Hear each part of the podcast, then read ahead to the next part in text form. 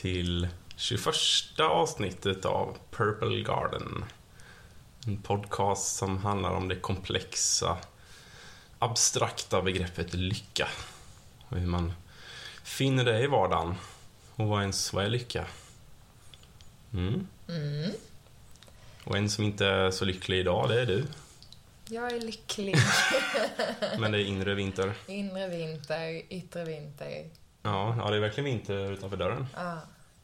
måste jag säga är otroligt härligt. Jag tycker det? Mm. Ja, den här eh, snön som har lagt sig djup här nu.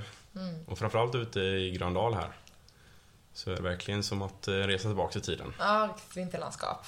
Mm. Även fast det är lite jobbigt när man missar och alla tvärbanor är inställda man måste traska från Liljeholmen och plumsa fram i snön. Mm. Men det är fint. Där har det varit sol också, underbart. Ja, jag var inne i stan igår. Då var det ju slask. Mm. Så, men här ute är det ja, lite Astrid Lindgren-vibbar. Ja. Och du var inne i stan för att du höll på med ett otroligt event den 13 december.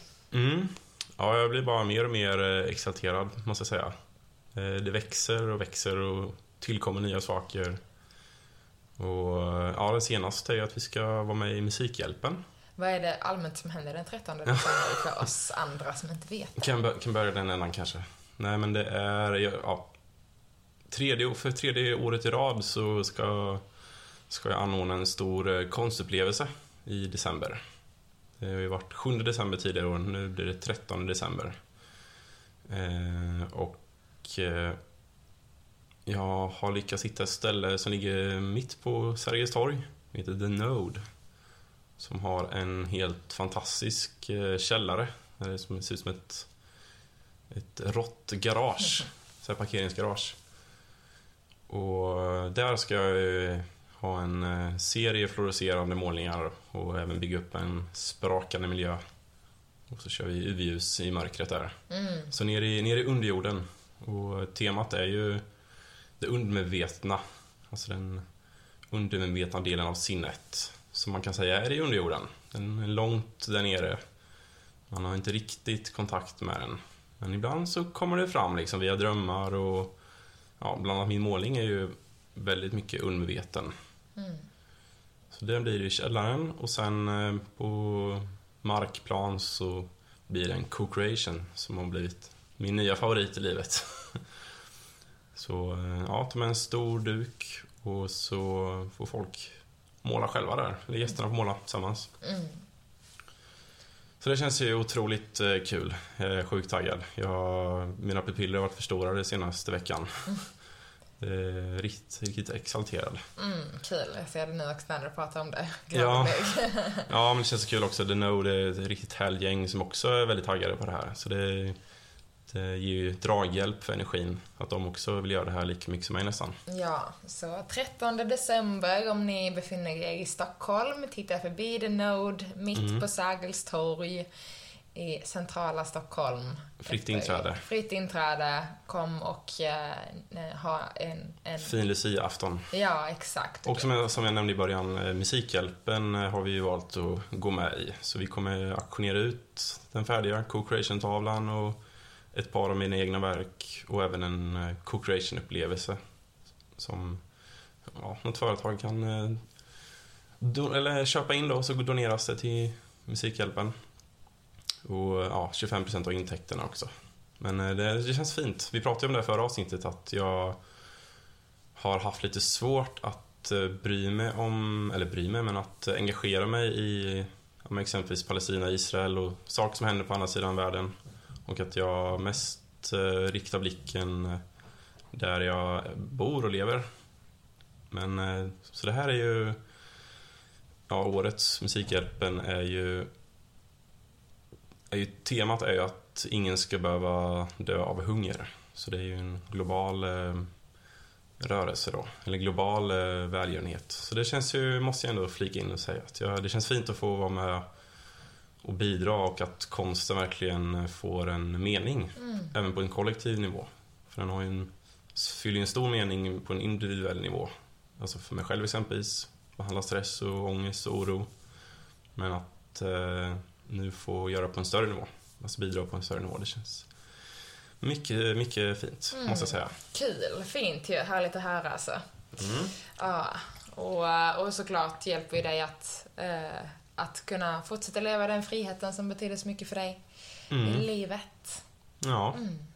och det är just eh, det vi ska prata om idag. Ja, jag tänkte jag tar en liten väg in. Ja, det var en liten radioövergång där. Ja, exakt. Frihet versus trygghet. Och att man säger versus, eh, alltså behöver ju inte nödvändigtvis vara så att frihet är på bekostnad av trygghet, men i många fall så är det ju så. Att, eh, exempelvis när vi eh, tog examen från universitetet så hade vi ju två vägar att välja mellan egentligen. Att eh, ta en trygg anställning. Vi hade ju Alltså, vi- vi pluggade ju civilingenjörsutbildning och alla som gick ut det året fick ju jobb direkt. Det var ju en blomstrande högkonjunktur. Ehm, Så vi hade kunnat eh, landa ett jobb med 35-40 ingångslön och leva bra på det, eller ha en trygg eh, tillvaro. Eller det andra alternativet som vi valde då, att starta eget företag. Vilket var den mer fria vägen då. Eh, Det var det är liksom svårt att det- få till och både, både ha kakan och äta den ibland. Ibland... Men just ge med i alla fall dessa två ah, kontrasterna liksom. Det ena kan ju verkligen ge det andra också, men oftast så står de ju ganska mycket mot varandra i vardagssnurret som är liksom. Mm. Ska vi ta ett steg tillbaks så kanske nämna vad, eller prata lite om vad är frihet ens? Ja, låt oss bryta ner det. För det, frihet är ju precis som lycka ett otroligt brett begrepp. Ja. Som, eh, ja, det kan ju vara oändligt många definitioner på vad frihet är. Och, ja, men exempelvis i Sverige så har vi ju grundlagsskyddat friheten.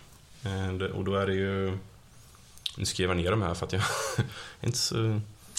Nej, jag kan faktiskt inte heller. Det är de fyra Grundlag- grundlagarna. Du tänker på, ja nej man borde ju kunna de fyra grundlagarna. Jag kan inte dem. Jag kan två av dem tror jag.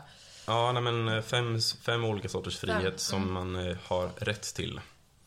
Och det är yttrandefrihet, mötesfrihet, demonstrationsfrihet, föreningsfrihet och religionsfrihet. Mm.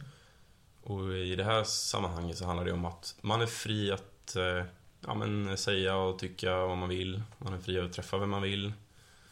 Eh, sen... Eh, men det, om man kan ta yttrandefriheten som ett exempel, för det är väl den kanske den vanligaste och den som debatteras mest om.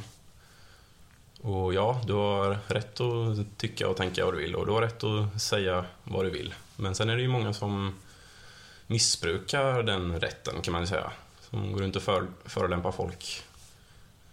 Och många, jag tror inte många riktigt förstår lagen. För att lagen handlar om att ja, du har rätt att säga vad du vill, men eh, du har inte rätt att eh, inte bli slagen på käften om du förolämpar någon. För det är liksom, det är, lagen kan ju inte skydda det liksom. Nej, precis. Exakt. Och det är bara att kolla i Twitter. Nej, man kan ju säga saker som verkligen kränker någon annan. Kränker Ja. någon annan. Alltså, Ja. Det händer ju väldigt ofta, tyvärr. Mm. Eh, Och man har ju rätt att säga det, men precis, det handlar ju kanske om den mänskliga rättigheten. Ja. Eller den frihetliga mänskliga rättigheten. Och det har ju FN jättemånga olika så eh, eh, önskemål eller riktningar som vi är långt bort ifrån, från på ett jordligt perspektiv liksom. Mm. Och en eh, annan definition, för det här, om du minns, det var kanske 2017, 2018 en gång, så hade jag ju en fas i livet när jag Mm. var, var djupt inne i libertarianism, som det heter. Alltså, eh, Och gud, jag läste böcker om det då, pratade om det och lyssnade på Ja. poddar framförallt. Shit vad lyssnade på i. Ja, det var väl när vi var, alltså piken i vårt företagande. När vi hade väldigt bra självförtroende och vi skulle bli eh, liksom eh, Apple inom oljan och Men då kom jag ihåg att lyssnade jag och läste ganska mycket om det här. Eh, och det handlar egentligen, alltså deras, deras, deras definition av frihet är ju att man är totalt eh, fri från alla yttre krafter. Usch, det låter ganska jobbigt. Man vill gärna ha ett skyddsnät. Eller jag gillar i alla fall skyddsnät, men jag gillar ju trygghet också. Ja. Men skydds, då är det inget skyddsnät alls, helt enkelt, heller. Precis. De har ju en husgud där som heter John Locke som är en gammal engelsk ekonomisk filosof och författare. Och jag hittade ett citat där där han säger att frihet innebär individens oberoende av andra och av externa krafter. Och man kan ju liksom egentligen säga att hela den här rörelsen handlar ju om att vara fri från exempelvis staten. Att man är inte... Alltså om man ska kolla på det rent tekniskt så har de ju rätt, kan man säga. Att eh, man är, eller enligt deras definition så är man inte, ingen människa är fri om man exempelvis tvingas betala skatt. Mm. Nej, man har ju ett uh, obligation liksom. Ja, det så kallade samhällskontraktet som man aldrig skriver på, men som man tvingas lyda under ändå. Så om man ska bryta ner det till sin kärna så kan man förstå varför folk intresserar sig för det här. För att eh, när man föds och sen helt plötsligt så utan att man tackar ja till någonting så är man intvingad i ett system och måste betala en stor del av sin inkomst till någonting man inte har signat upp för. Och eh, man har inte ens rätt till sin egen kropp. Man får låna kroppen av staten, men man, man har inte rätt till den fullt ut. Exempelvis får man inte stoppa i sig vilka saker man vill i kroppen. Kan åka in i finkan. Så de, det är en väldigt bokstavstrogen eh, rörelse det här. Mm. Att eh, nej, det... det ja, och skolplikt och sådana detaljer ja. också redan från ganska ung ålder. Precis, den köper jag ju ännu mer. Att, att det är nästan befängt att vi ska ha en skolplikt. Alltså ett tvång. Du måste komma till den här institutionen och lära er de här sakerna som vi har bestämt är eh, viktiga för dig. Eh, det är till och med förbjudet att ha hemskolning i Sverige. Så jag tycker att Finland har en väldigt bra modell. De, nu kommer jag inte ihåg vad det kallas. Det är eh, typ inlärningsplikt eller något sånt här kallas det. Mm, att du måste lära, lära, dig vissa saker men ja, du får göra det var du vill. Mm. Så det finns ju hemskolning och ja, vi har en skola här ni kan få gå till också om ni vill men ni behöver inte. Eh, så det, det är ju eh, liksom libertarianismen som de vill ju ha helt fria från allt som alla, alla andra externa krafter och alla andra människor. Och sen kommer ju då den stora nackdelen när man inte får den där kakan som man ofrivilligt kanske då betalar för med sjukvård och pension och alltså alla de där bitarna som, som också för väldigt många är så stor självklarhet liksom. Mm. Eh, framförallt i Sverige liksom. Det är ingen arbetslöspenning, det är inga bidrag på något sätt och vis. Typ barnbidrag och Uh, ja, men det är liksom så, noll stöttning på något sätt. Det, eller för, det är också lite så, att nästan gå tillbaka till samlare och bytare, så bara, men då får du fixa sin egen el eller så får du betala för den. Mm, men det är sätt, väldigt liksom. likt det konceptet. Mm. Att det är en för en. Och vill du ha någonting så får du, får du köpa in den tjänsten. Ja. Och det kan ju även vara livräddande tjänster eller polis och rättsväsende. Ja, och... Men om man tittar långt, långt tillbaka, detta är väl en så, lite vad man ser på film och sånt, men då var det väl lite så Eh, helt plötsligt så kom det någon och började slå ner folk. Och sen så mm. kom det någon eh, som då hade lejat de här att slå ner folk och så, jag kommer skydda er, om ni betalar pengar till mig så kommer inte de här komma och skada er längre. Mm. Så det, där var det ett, mass, ett eh, maktmissbruk på ett sätt. Liksom att så, ja ah, men här är en by, vi slår ner dem och sen säger vi att vi kan skydda dem om vi inte slår ner dem. Ja. Det är ett spännande koncept liksom. Men någonstans är det ju lite så hela liksom, eh, ja men skatt och kollektivsgrejen grundar sig. Alltså, men du får allt det här, men jag ska betalt för det. Ja, precis. Vilket, men jag, alltså så, för, alltså från, då det, från det libertanska perspektivet, men från ett um, ett samhällsenligt perspektiv så är det ju svingött. Ja. Liksom. Alltså det är så nice. Okej, okay, jag har ont i, i... Jag behöver sjuk, jag går till sjukvården, jag, eh, jag blir arbetslös för det är dålig ekonomi. Jag kan få eh, liksom bidrag för det. Jag... Eh, Uh, jag vet inte, jag, jag, kan plugga, jag kan bli vad jag vill, liksom jag får CSN och studiebidrag. Alltså det är ju helt... Ja, dock tycker jag... Också så jag, jag, får, jag får barn och så ja. får jag betalt ledigt i liksom nio månader, alltså 18 månader, två personer. Och det är ju en frihet i att kunna leva sitt liv eh, med alla de här trygghetsaspekterna. Liksom. Ja, absolut. Alltså från, från då det samhällska perspektivet, om man ens säger så. Och där är väl deras eh, argument lite att, eh, men varför ska jag, jag betala för att dina barn ska gå i skola? Ja, nej, men jag har ju inga barn själv. Varför ska jag betala en avgift för det? Men det är ganska spännande att tänka på den här TV-avgiften, eller radio och TV-avgift, som ja. var så himla stor grej ett tag. Mm. Som ingen betalade. Nej. Eh, och sen helt plötsligt så lägger man det på skatten. Ja, och så slutar alla klaga. Ja, exakt. Så någonstans vill ju folk ha det här. Alltså att så, okej, okay, men jag har ingen TV, vi har ingen TV. Eh, jag lyssnar väldigt sällan på radio, det är väl då Musikhjälpen en gång Ja. per år som jag hoppar in på P3 på ehm, eh, si.se. Men, eh, och, och såklart På spåret. Mm. Nej men det är också så eh, att jag ska då betala en TV och radioavgift för alla andra som har TV när jag inte har TV. Eh, Mm. Men också då, jag minns första gången jag fick min TV-avgift. Ja men jag var ju god och betalade den liksom och alla andra bara, vad är du dum i huvudet och betalar den? Man behöver aldrig släppa in de kontrollanterna. Så det var så, det är flerande i, i systemet, det är så brist i systemet. Ja, Det var en jäkligt udda modell de hade, att de hade folk som åkte runt och knackade i dörren Ja, det för måste ju kostat mer Ja, än ja, ja, ja. bidraget i sig. Lönen för liksom. alla som åkte omkring. Det måste varit en stor minusaffär. Ja, exakt. Och bara skicka ut alla de fakturorna liksom. Mm. Eh, Men det var ju lite klagomål, men sen var det inte så mycket klagomål på det. Så någonstans, framförallt i världen, eller Sverige i alla fall, som det ser ut idag som samhälle, så är det ju verkligen det här eh, ja, tryggheten som väger mycket starkare än friheten. Mm. Men jag tror också, nu är det ju svårt att säga med tanke på att man inte har bott i något, eller levt i ett annat land, men också friheten att få plugga och studera precis vad jag vill. Mm. Liksom. Och jag får, jag, jag får ju till och med betalt för att göra det liksom.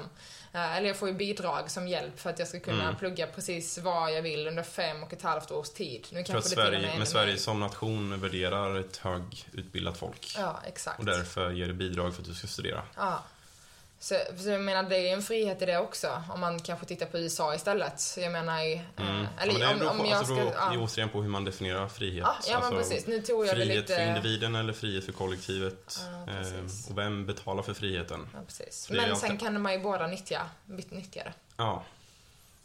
Men eh, så, så det är ju liksom, om man ska koka ner det till sin eh, minsta beståndsdel så är väl frihet deras definition då. Att man är, då är det att vi är ute på savannen och får ta hand om oss själva. Mm. Vi är inte skyldiga att göra, vi har inga skyldigheter att göra någonting.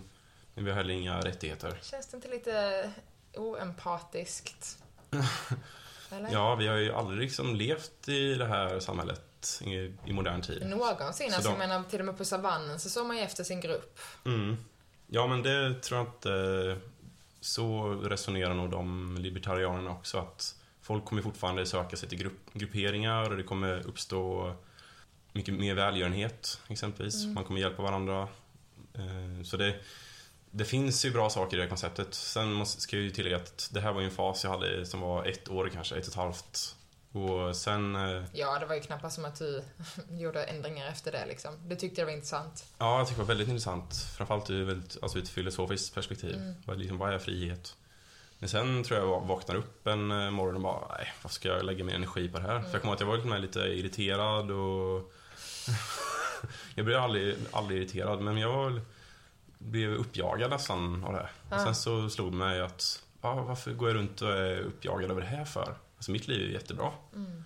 Och det, kom, och det kan väl ta en övergång till min egna definition då. För det är, det är just det. Min definition av frihet känner jag mig fri? Känner, mig, känner jag mig fri att leva det liv jag vill leva? Jag tänkte Ja. precis säga exakt samma sak. Ja, Eller så, alltså. Ja, men det är verkligen... Känslan av frihet i sin egna kropp, i sitt egna liv. Ja. Och det är inte mycket svårare än så. Och i, i ett land som Sverige så kan man verkligen hitta sådana friheter. I, ja, nu är det ju ganska en uppåtgående våldsspiral och allt det här i samhället. Så Sverige har ju sett bättre dagar, men vi har fortfarande friheten att designa våra egna liv kan man säga. Ja, verkligen. Man kan göra precis vad man vill och det finns ett skyddsnät som tillåter det. Och... Så det, Och det finns mycket möjlighet att få, ja, men till exempel, men kanske framförallt om man tittar mot ett entreprenörskap som både kan vara frihet och fånge, fångenskap. Men att det finns ju mycket också så, starta eget-bidrag att få och det finns mycket stöd från hela liksom, innovationssystemet att få. Eh, om man nu ser frihet på det sättet, liksom, att, att kunna skapa sitt drömliv genom att göra precis så sjutton man vill. Liksom. Mm. Men om man bortser från alla stödsystem och fallskärmar och, eh, och saker att landa på i Sverige så, och bara tittar på själva entrep- entreprenörskapet så är det verkligen en det är en, en frigörande, ett frigörande sätt att leva livet på. Mm. Som vi märkte när vi... Sen kom ju frihet under ansvar. Det var ju otroligt mycket smärta och lidande och hårt jobb liksom. För att kunna ha den här friheten. vi fick ju offra tryggheten där. Mm, ja, verkligen. Vi visste ju... Ja, nu fick vi in lite investeringar så, här, så det var inte så att vi varje månad behövde liksom eh, skrapa ihop eh, de sista örena för att betala lön liksom. Eh, men det var ju fortfarande var ingen, fast ingen utstakad väg att gå till. Alltså, ingen utstakad väg att vandra längs. Nej. Vi var tvungna att bygga vår egna agenda och lära oss eh, det vi behövde lära oss på, på egen hand. Det fanns ingen att fråga, ingen, ja, ingen chef som eh, gav ut eh, direktiv liksom. Nej. Tyckte det var spännande du sa just eh, frihet under ansvar. För jag tycker sen pandemin så har ju det blivit otroligt mer fritt Mm. att leva och jobba.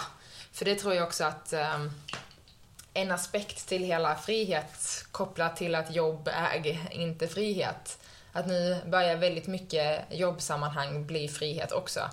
Nu är det ju alltså så som många jobb ser ut idag kan det vara en hybrid. Vissa jobb kan man till och med jobba helt på distans från andra länder, från andra platser i Sverige. Eh, man kan hitta sitt absoluta drömjobb för att utvecklas precis på alla sätt man vill. Eh, från det stället man lever och bor på. Ja, rörelsefriheten har ju verkligen eh, Ja, men förändrats. precis. Samtidigt som man verkligen kan ha den där tryggheten. Så idag, alltså jag skulle säga att det har aldrig varit optimalare balansen mellan trygghet och frihet som den är idag. Nej.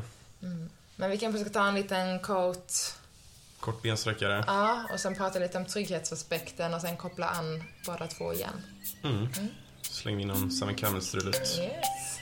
Hörs om 45 sekunder.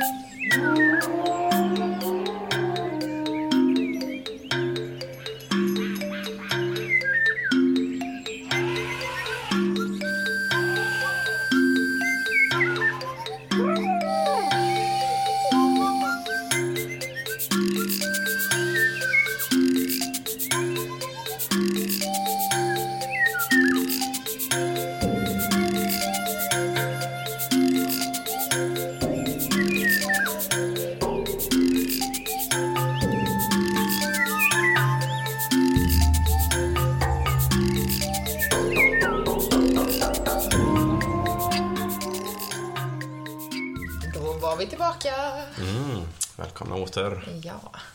Jag tänkte att vi kunde kanske bara ta ett eh, kort exempel. För vi har ju pratat liksom om frihet versus trygghet och att ibland tvingas man välja en av dessa två vägar. Även om som du sa tidigare att det tack vare att vi kan jobba på distans och att sådana möjligheter öppnas så finns det ofta ja, möjligheten att välja både frihet och trygghet. Men eh, ja, den vanligaste, vanligaste är att man får välja en av vägarna. Och jag tänkte vi kan väl ta ett eh, exempel som hände ja, bara några veck- för några veckor sedan för dig. Eller som har legat och grott ett ganska ett, ett tag liksom. Men, Ja, under tre års tid till och från Ja. tekniskt sett. Men jag tänkte bara eh, innan jag går in på det exemplet som jag tror många också kan känna igen sig i, eh, kanske framförallt i dessa lite svårare tider, där tryggheten är otroligt viktig, så tänkte jag bara gå jättekort in på Maslows behovstrappa eh, och bara bryta ner grundläggande, alltså verkligen bastryggheten liksom. Eh, och det är ju som en tak över huvudet, mat i magen, kläder på kroppen, eh, ja, men, inkomst, alltså trygghet i form av ekonomisk trygghet. Och det sociala är också en stark trygghet. Att ha eh, en social omkrets i form av familj, vänner, arbetskollegor och dylikt. Där man känner en tillhörighet. Så jag tror de fem är liksom absolut grunden till en mänsklig grundtrygghet. ja, de, du, till. de du nämnde i början där, tak över huvudet och mat i magen är väl första trappsteget. Ja, men det är väl precis. liksom basen för en mänsklig existens. Ja, exakt. Eh, och sen eh, nummer två är ju det här med sociala. Men jag tror också för att jag ska känna mig trygg i mitt liv så måste jag ha, ja men ändå mer än det här skyddsnätet som är mitt samhälle. Jag måste ändå ha min, mitt, mitt sociala behov mött för att jag tror jag ska känna mig trygg och hållen allmänt. Liksom. Jag tror det är en viktig del av allt. Ja, det är jätteviktigt att man är trygg med de man träffar. Ja. Att man träffar människor som man är trygg med. Ja, Att man inte går runt och är uppjagad och stressad och rädd. ja, Mm. rädd att säga fel och ja. Eller oerhört ensam. Mm. Mm. Ja, men jag kan... eh, Men jag kan gå till, till mig själv lite kort, för jag vet dels av många kompisar och vänner jag har pratat med som är så eh, Gud, ska jag jobba så här åtta timmar om dagen och inte hinna med mitt liv? Vad är det för något? Och så bara, men det är så det ser ut. Eh, för många, liksom. Eh, nu som sagt är det mycket mer frihet arbetsmässigt, vilket jag tror är, tacksamt för de flesta. Och jag har varit jättemycket i den här svängen. Ska jag ta, också en, ett annat tillägg, bara som för att förstå min situation lite mer, det är att yogan är en ganska stor del av mitt liv. Ganska så. en väldigt stor del av mitt liv. Att kunna undervisa yoga, gärna några klasser i veckan. Och säga att eh, så fort man ska ta en anställning så är den anställningen på 100%. Och jag har testat att ha ett jobb på 80% och ha yoga som komplement och jag kan säga att jag jobbade 100% till en 80% i lön och hade yogan som komplement.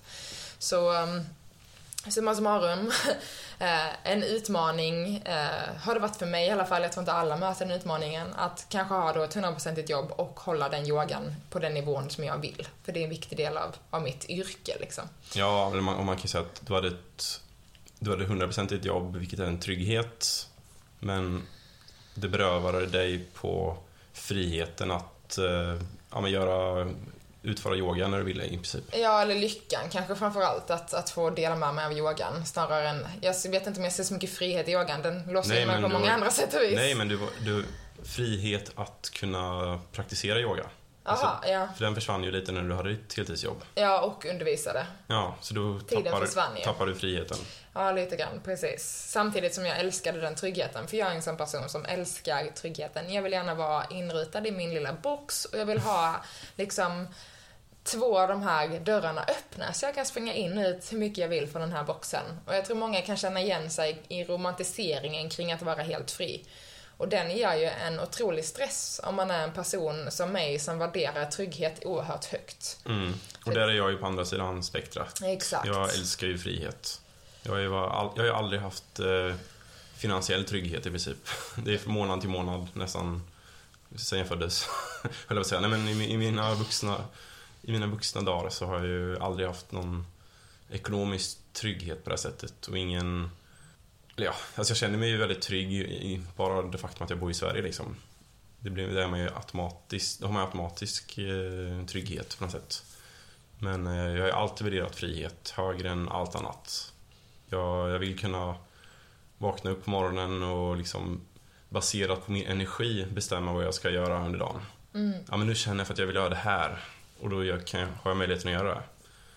Och, men sen kanske jag vaknar upp en dag och bara, nej idag känner jag fan inte för någonting. Och då lägger jag upp dagen efter det liksom. Mm.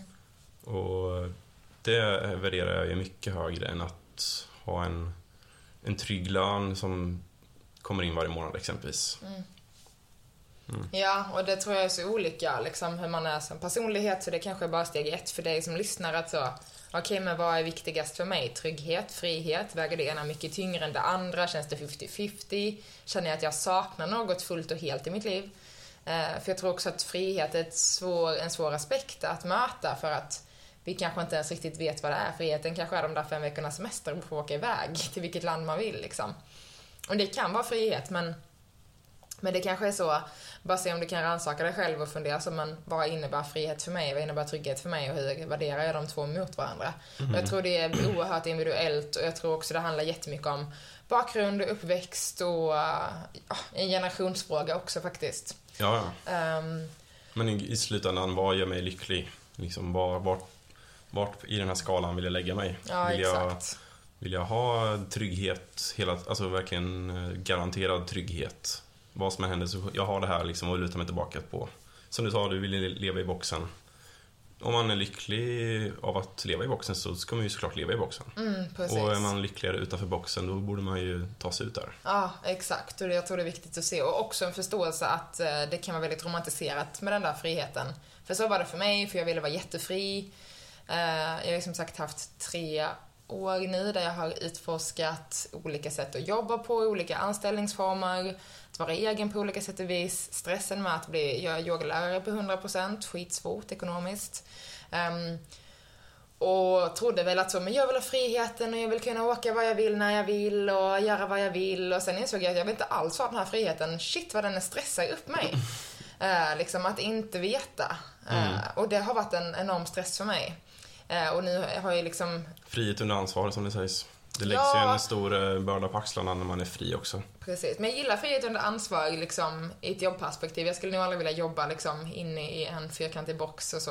Ja, nej, men jag menar regler. livet- livet i ah, sig, Ja, liksom. men precis, exakt. Ska man vara fri, då kommer det ju ett ansvar Ja, att eh, verkligen. göra någonting med friheten. Ja, gud. Och så har det varit nu typ så med mitt konsultuppdrag har gått ner ganska, dragit ner rejält på tiden liksom. Så jag har haft ganska mycket tid över. Eh, vilket också innebär att ja, jag jobbar inte lika mycket, jag får in lite mindre pengar och eh, jag behöver hitta, hitta mer jobb liksom. Eh, för mig blev det väldigt tydligt.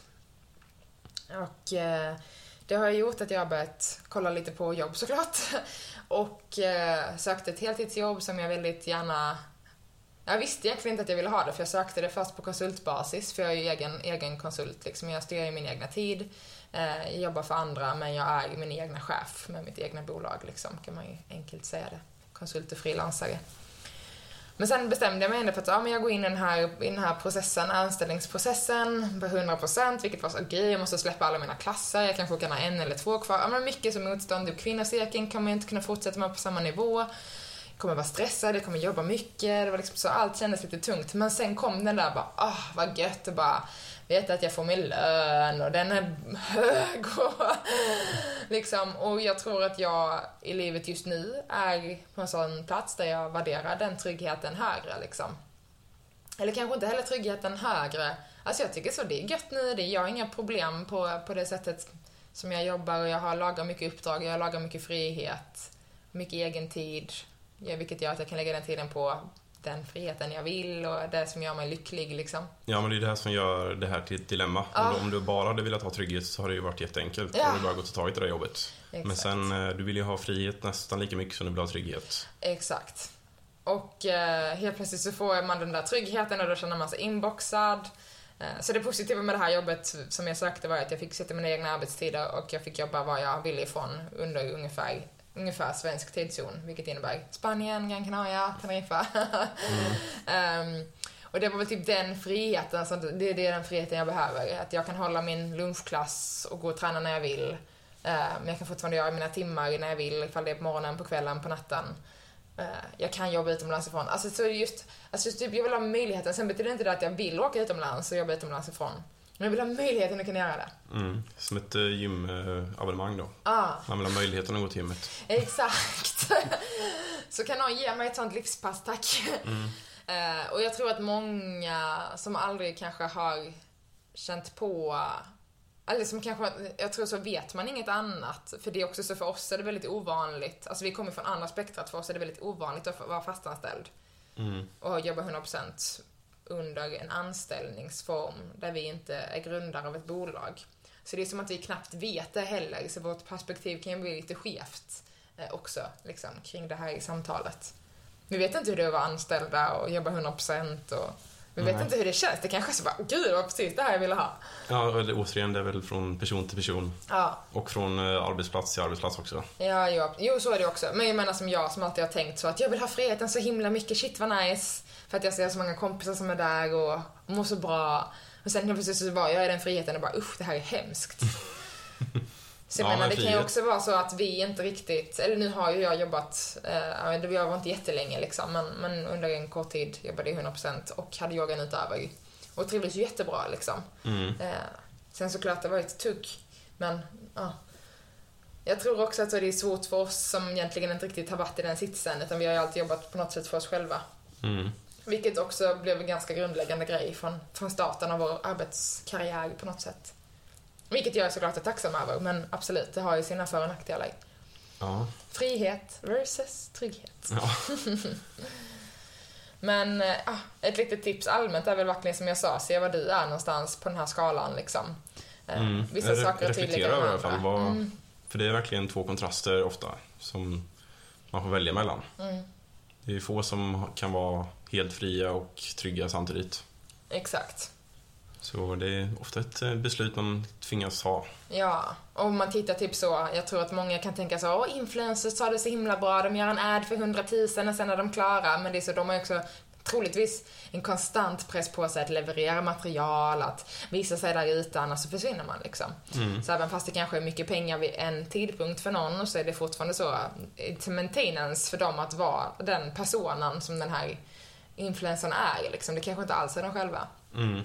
Så det kan ju också vara så, det vi återigen kopplar till det vi har pratat om i tidigare avsnitt, det vi ser på sociala medier, som kan se så himla glamoröst och lyxigt och frihetligt ut, kan snarare vara det motsatta.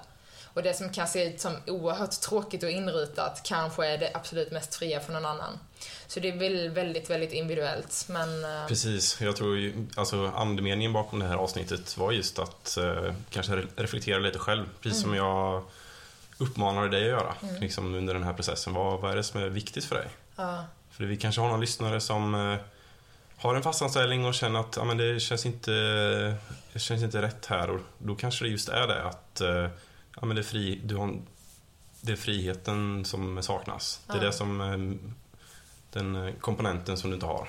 Och vice versa, att någon, det kanske är en entreprenör eller en frilansare här som lyssnar och känner att ah, nej, det är ju den här den här resan är inte alls eh, någonting för mig, men jag kan inte riktigt sätta fingret på vad det är. Och då kan det just vara en sån enkel sak som att, nej men det är, du, du är en trygghetsmänniska. mm, precis. För det ska man ju också säga, det är ju, alltså det är otroligt frihetligt att vara sin egen, men det kan ju också vara otroligt tufft liksom.